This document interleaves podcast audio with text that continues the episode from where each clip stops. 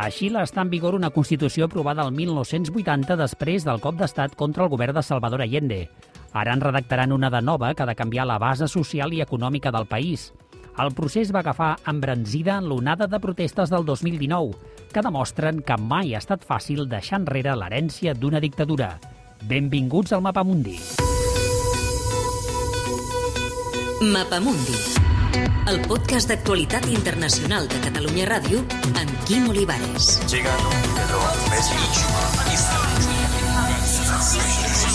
Mapamundi, el podcast per saber què passa al món. Primero empezó la evasión, el 17 de octubre del 2019, empezó la evasión. por el alza del pasaje y luego la gente empezó a ver que más que el pasaje eran todos los años reprimiendo, la gente se cansó de eso y empezó a salir a protestar a las calles. Estaba con unos amigos y de repente los estudiantes de otro liceo fueron al, al metro y estaban los pacos ahí, estaban a tirar lágrimas y ahí me sumé yo. Y ahí empezó toda la manifestación contra los pacos. Llegué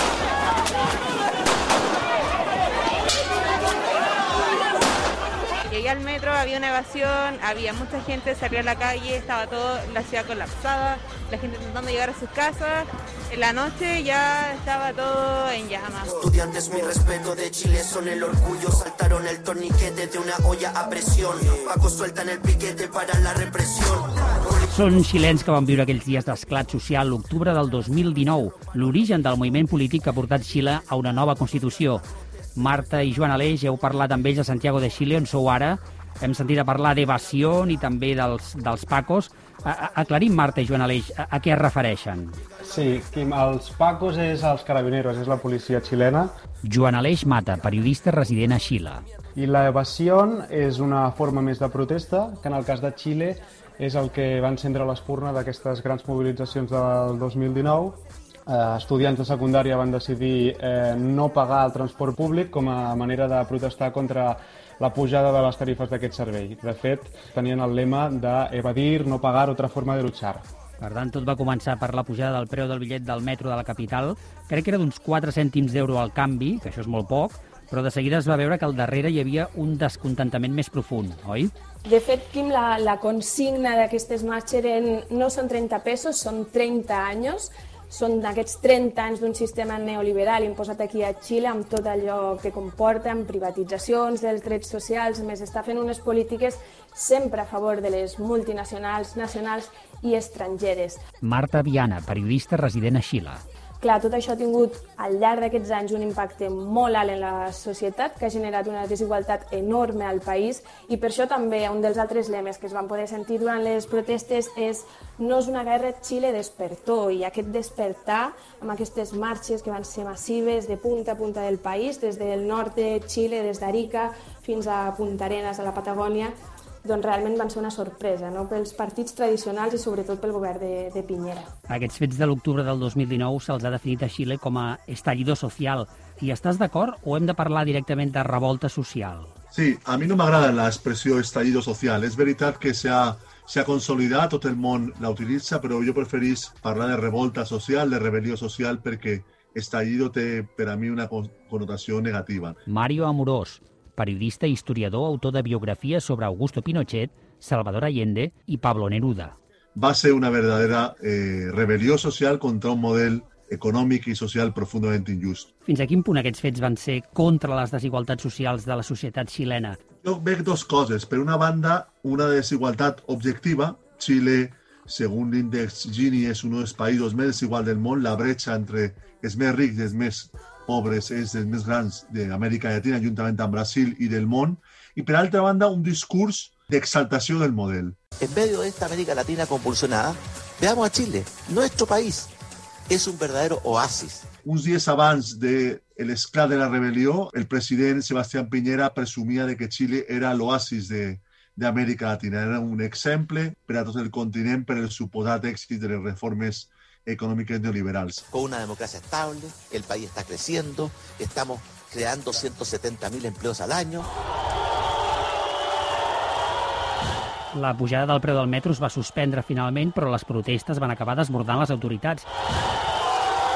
També hi va haver marxes multitudinàries pacífiques i algunes van derivar en violència.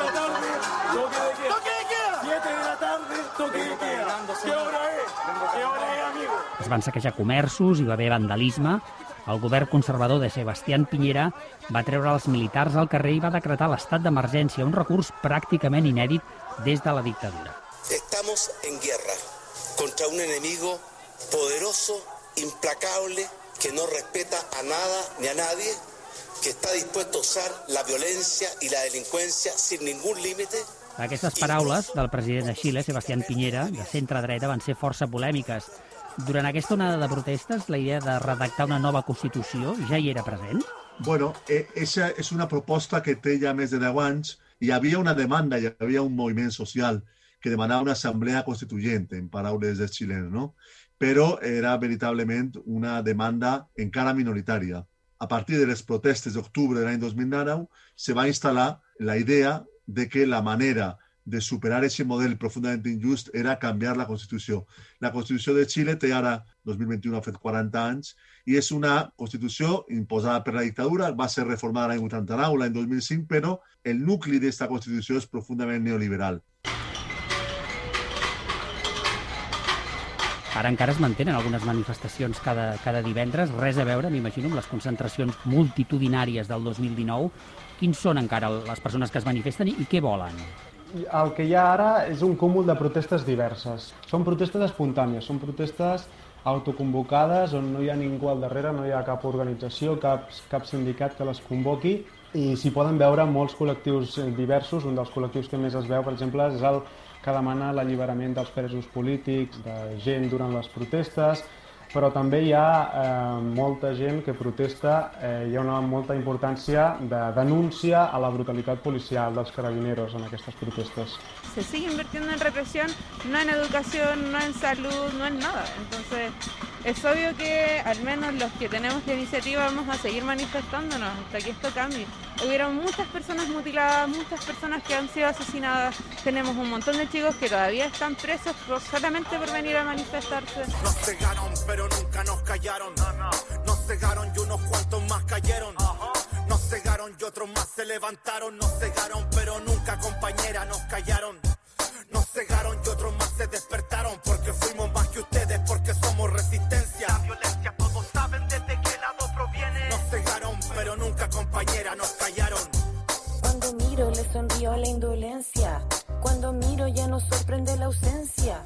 Cuando miro determino que esta forma que me ocupa simplemente compañero és resistència. De fet, hi va haver més de 30 morts, més de 400 casos de lesions oculars per les bales de goma i més de 5.550 casos de violació de drets humans. L'actuació dels carabiners xilens van ser les pitjors violacions dels drets humans des del retorn de la democràcia xilena al 1990? Sens dubte, va ser profundament preocupant l'actuació de carabiners, el grado de, de violència, de repressió, el fet de que més de 400 persones pergueren la visió almenys en un ull en protestes socials és verdaderament eh, preocupant i dona a, a entendre que la, les Forces Armades de Xile encara no han acabat la seva transició hacia, cap a la democràcia. Marta Joan Aleix, no, no heu trobat ni un bri d'esperança que la nova Constitució pugui canviar la situació per totes aquestes persones que es manifesten? Sí que l'hem trobat, sí que hi ha, és veritat que hi ha diversitat d'opinions, hi ha un ampli consens en que aquesta situació política i social doncs, no havia passat mai i per tant que és un moment històric per Xile i que en certa manera, de fet, arribar fins on han arribat ja és una victòria del poble, ja és una victòria de, de la gent. On sí que hi ha més diferències és fins a quin punt tot aquest procés constituent suposarà un canvi real, un canvi substancial per la societat. Aquí sí que hi ha gent que veu amb més desconfiança el procés, sobretot gent adulta, gent d'edat avançada, que allà dubte més no, d'aquests canvis substancials i en canvi sí que ens hem trobat doncs, molts joves que aposten per una mobilització contínua durant tot aquest procés constituent per acabar doncs, aconseguint una transformació del país des de les seves bases. Mira, yo creo que va a haber algo, algo mejor de lo que tenemos porque en este país nunca había, se, había, se había participado en una constitución de, este, de estas características donde hay posibilidades que la gente que tiene menos voz esté presente. Que, que así sea porque confío mucho en la gente. Mi esperanza está en la gente. La confiança és en la gent, deia aquesta manifestant. Qui va estar al capdavant d'aquesta revolta del 2019? A diferència de les grans mobilitzacions del segle XX, no hi havia els partits d'esquerra o el moviment obrer? Van ser els estudiants, potser? en realitat, centenars de milers de persones no? es van produir les manifestacions més, més massives de la història de Xile. És veritat que ja no estem al segle XX, on els partits d'esquerres, on el moviment obrer organitzats en sindicats eren els que traien a la gent al carrer. No? Ara va ser un moviment social molt eh, heterogeni, molt interclassista també, on estan les forces d'esquerres, sens dubte, però també on està la classe mitjana que fins a aquest moment eh, bueno, pareixia estar d'acord amb, el, amb el model en un país on la ratlla de divisió és entre, encara entre dreta i esquerra, bueno, la dreta, evidentment, era la que no estava a aquestes grans marxes, no? estava donant suport al govern. Hoy los chilenos y chilenas han expresado libremente su voluntad a través de las urnas, eligiendo la opción de una convención constituyente para poder acordar una nueva constitución para Chile. Era el 25 d'octubre del 2020 quan més del 78% dels xilens van votar a favor d'enterrar la Constitució del 1980, aprovada sota la dictadura del general Pinochet. Allò va ser el veritable punt d'inflexió per superar la dictadura? Va ser el primer gran pas, sens dubte. Ara ve el, gran, la gran batalla, aconseguir les forces que estan per un canvi de fons en la Constitució, el model econòmic i social del país, tenen que aconseguir eh, almenys dos tercios de eh, la Asamblea Constituyente. ¿Por qué Convención Constitucional? Porque sus integrantes son 100% electos. Todos van a ganar lo mismo. Por primera vez en la historia será paritaria entre hombres y mujeres. Mi nombre es Leonardo, soy candidato independiente a la Convención Constituyente. Voy sin partido político, hice la pega juntar firmas para que seamos independientes quienes la escribamos y no los que están acá al lado són los mismos de sempre. Heu parlat amb alguns dels aspirants a formar part del grup de 155 ciutadans encarregats de redactar la nova Constitució. Els xilens van decidir que els que redactin aquesta Constitució no siguin parlamentaris. Molta gent sense experiència política s'ha postulat per redactar-la. Hi ha, doncs, un rebuig a la classe política? Sens dubte, i sobretot ha sigut arran de, de l'estallido social i per la gestió que les institucions van fer d'aquestes protestes, la confiança en aquestes institucions, que ja, ja era molt baixa, i aquesta desafecció brutal respecte al sistema polític és el que va empènyer després a molts ciutadans anònims a fer el salt a la política. Y de repente nos encontramos con los políticos de siempre firmando un documento que nos van a decir cómo van a solucionar nuestros problemas, cuando no han sido capaces de solucionarlos en los últimos 30 años. Y ahí viene el decir no. Fernando Latorre, activista mediambiental y candidat constituent independent. Estamos convencidos que necesitamos voces independientes de los partidos políticos para representar las demandas ciudadanas y construir la próxima constitución desde las bases. Bé, hi ha un gran desprestigi, efectivament, de, la, dels partits polítics tradicionals, sobretot de, de la dreta i també de la democràcia cristiana i del Partit Socialista, que són els partits que han gestionat el model neoliberal des de l'any 90. Sobretot en el cas de la democràcia cristiana i el Partit Socialista, van prometre l'any 89-90 superar el model econòmic de Pinochet i és veritat que l'han corregit però no l'han superat. El van abraçar de manera crítica en un moment en què eh, a tot el món aquest model estava, era el paradigma de l'èxit. Per a superar-lo fa falta no només les forces i persones independents, el moviment social i polític, en la meva opinió, que des de l'esquerra, on està el Partit Comunista, on està el Frente Amplio, on estan sectors del Partit Socialista, puguen promoure una alternativa unitària per a les eleccions parlamentàries i presidencials a tardor. Venenos tus monólogos, tus discursos incoloros. No ves que no estamos solos, millones de polo a polo. Al son de un solo coro, marcharemos con el tono, con la convicción que basta de robo. Tu estado de control, tu trono podrido de oro. Tu política y tu riqueza y tu tesoro, no. La hora sonó, la hora sonó. No permitiremos más, más tu doctrina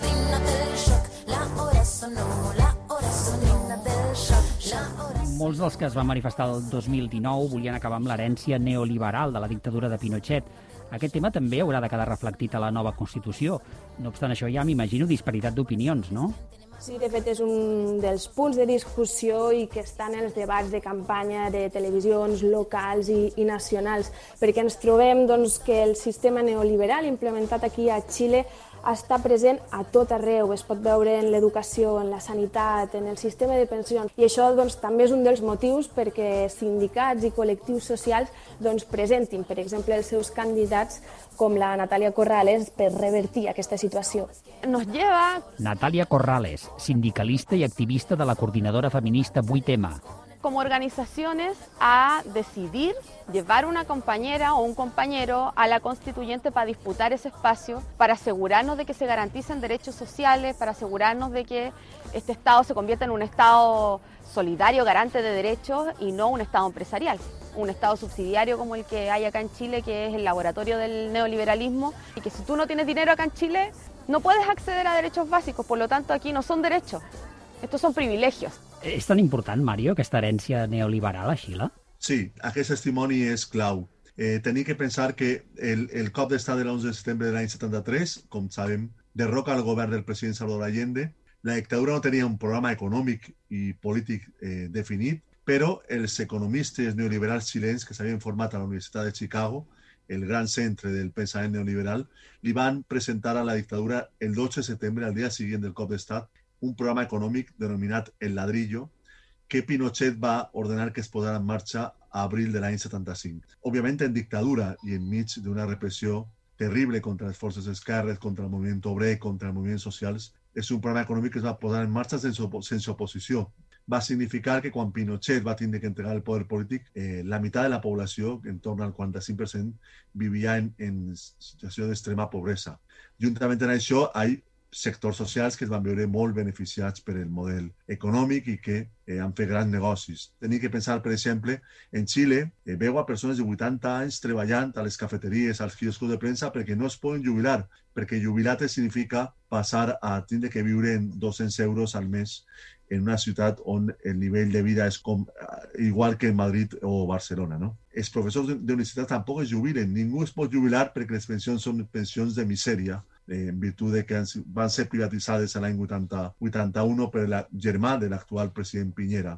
Estudiar una carrera en, en Xile costa 700 euros, 600 euros al mes. La sanitat també no és una sanitat universal i gratuïta. Tot aquesta rebel·lió ve de que és un model profundament injust que eh, concentra la riquesa en un percentatge mínim de la població i que condena la majoria dels xilens a una vida precària, d'inseguretat, de falta de drets reconeguts eh, universalment. Parlant de drets i tornant a la Constitució, serà redactada de forma paritària, homes i dones. Quin paper ha jugat el moviment feminista per arribar fins aquí, Marta? Doncs ha sigut crucial per arribar on, on som ara, jo diria, Quim, perquè la lluita feminista aquí a Llatinoamèrica en general, no? però, però Xile en particular, és molt forta, van a, van a per totes als carrers a l'hora de denunciar doncs, tant les bretxes salarials entre homes i dones, per apostar per una educació per exemple, no sexista i per acabar sobretot amb la violència, amb la violència de gènere i això es pot palpar perfectament als, als carrers i, i a les parets de, de Santiago, per exemple, doncs allà hi ha molta reivindicació feminista. Crec que és important també recordar el paper que van tenir el col·lectiu Les Tesis, que era un grup de noies de, de Valparaíso, que el 2019, enmig de, de l'esclat social, van fer una performance per visibilitzar doncs, les violències contra els drets de les dones.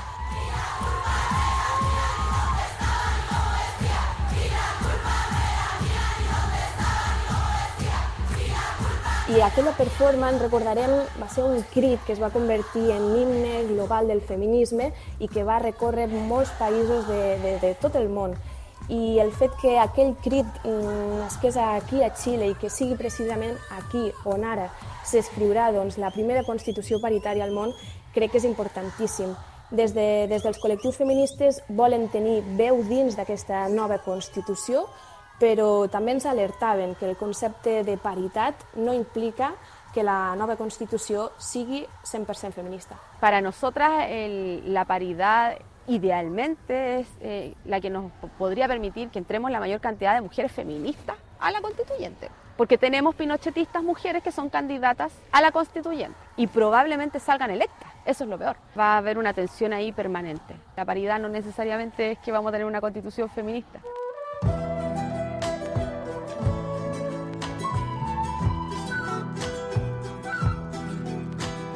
Que el respecte a les minories també serà rellevant en la nova Constitució, oi?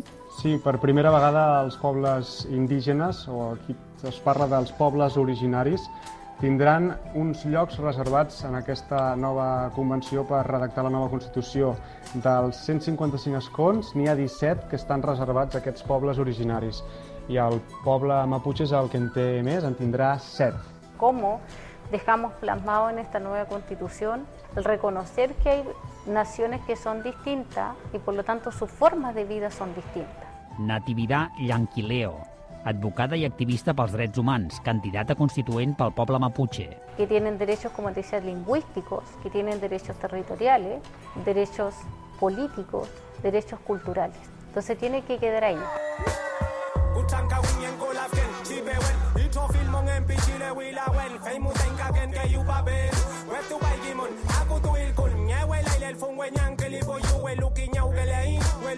Aquesta representació indígena, eh, Mario, també és històrica a Xile, oi? Sí, Xile té un deute molt gran amb els pobles originaris, amb els pobles indígenes, sobretot el poble Mapuche, també el poble Rapanui. Ha hagut una fortíssima repressió els últims anys de carabineros contra les, les demandes de recuperació de les terres ancestrals, de denúncia de la de l'actuació de les transnacionals de la fusta, per exemple, a, als bosques originaris, i és altre dels, dels eh, desafios que té aquest país eh, al futuro inmediato. Chilenas y chilenos, hemos llegado a un momento verdaderamente histórico para los destinos de la patria. En breves horas más, el gobierno que me honro en presidir hará entrega del poder político a las nuevas autoridades elegidas democràticament per el poble xileno. M'imagino que per redactar la Constitució participarà tothom que ho vulgui o tothom que surti escollit. M'imagino que també hi haurà, entre cometes, nostàlgics de, de la dictadura o com a mínim del model econòmic de la dictadura, no? Sí, també hi són presents alguns partits, podríem dir, més pinochetistes o defensors acèrrims d'aquest eh, model econòmic neoliberal. Creo que como cualquier modelo perfectible, pero sí cambió la cara y la vida de muchos chilenos. Y esa es una realidad, o sea... Macarena Letelier, advocada i candidata independent amb quota de la Unió Demòcrata Independent. Va defensar el no al referèndum per enterrar la Constitució de Pinochet. Ara es presenta per formar part del grup de 155 persones per redactar la nova Carta Magna. Eh, se mejoró mucho, eh, hay una desigualdad enorme pero creo que desconocer los avances que tuvo este país por el modelo económico de los años 80 eh, tampoco reconocer eh, que se avançó mucho. Lo que ha hagut els últims anys ha sigut un renaixer del pinochetisme més dur al voltant de la figura de José Antonio Cast, una mena de Santiago Boscal xilè. El Partit Republicà vincles d'amistat forts amb, amb Vox a Espanya representa el pinochetisme més dur hay un pinochetisme més, més feble que està instal·lat, a la, sobretot al partit de la Unió Demòcrata Independiente, que dona suport i que participa del govern de, de Sebastián Piñera, i en la dreta més, més liberal hay un compromís molt fort amb, amb el model econòmic, que ellos creuen exitós, i esa serà la gran, la gran batalla. Todas las manifestaciones son válidas. Y ahí es donde yo te digo que yo no tengo miedo, pero sí tengo un grado de preocupación muy importante. Porque la manifestación levantó un punto, hubo un plebiscito para un proceso constituyente y la violencia sigue apoderándose ya de manera normalitzada en nuestra societat. I eso no puede ser. Es poden repetir a Xile les maniobres de la dreta dels conservadors per aturar el procés de transformació social i polític i intentar així preservar els seus privilegis? Bé, jo crec que, segons quede composada la Convenció Constitucional, eh, bueno, ese serà el, el lloc on es donarà el, el debat el perill és que la dreta obtinga més d'un terç de representants a la Convenció Constitucional i d'aquesta manera podrien bloquejar democràticament, perquè són les normes que es van definir per al procés constituent, podrien bloquejar els canvis de fons. ¿no? Ciudadanas y ciudadanos de Santiago, trabajadores de la patria, ustedes y solo ustedes son los triunfadores. Mario Morós és autor d'una extensa biografia sobre Salvador Allende a partir del teu coneixement sobre l'expresident xilè i també el projecte d'unitat popular que el va portar al poder. Quins elements creus que hi ha de la seva figura i del seu programa de govern que puguin tenir vigència en l'escenari actual de Xile? Allende va guanyar la presidència de Xile democràticament l'any 70 després d'haver perdut tres vegades abans i d'encapçalar un moviment social i polític d'esquerres que va portar una lluita molt llarga per a conquistar la presidència de la República, la moneda, a l'any 70. Jo crec que el que més vigència té d'aquell projecte d'Allende va ser la capacitat, la intel·ligència política per unir a una majoria del país al voltant d'un programa polític de transformació, de proposta d'un socialisme democràtic i, i revolucionari, de superació del capitalisme, que en, en el context del, del món de l'època, del Xile de l'època, tenia un gran sentit, va llevar a, davant transformacions de fons molt importants com la nacionalització de les mines de cobre, la reforma agrària, i ara la batalla és la mateixa, unir a la majoria del poble de Xile per a construir un país amb més justícia social, amb més democràcia, amb més igualtat. Això és el que jo rescataria del projecte del president Allende i de la Unitat Popular. De manera molt significativa, en les grans manifestacions de la tardor de l'any 2019, de la rebel·lió, és veritablement impressionant escoltar a milions de xilens cantant, per exemple, el derecho de vivir en paz de Víctor Jara davant de la repressió del govern del president Piñera. No?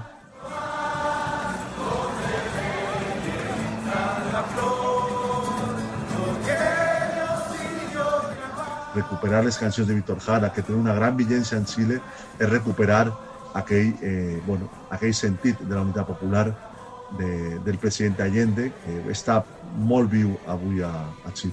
Doncs amb els manifestants cantant Víctor Jara acabem el Mapamundi d'avui. Marta i Aleix, moltes gràcies, a reveure. Gràcies i una abraçada. Una abraçada igual, Quim. Mario Morós, gràcies, a reveure. Gràcies a vosaltres.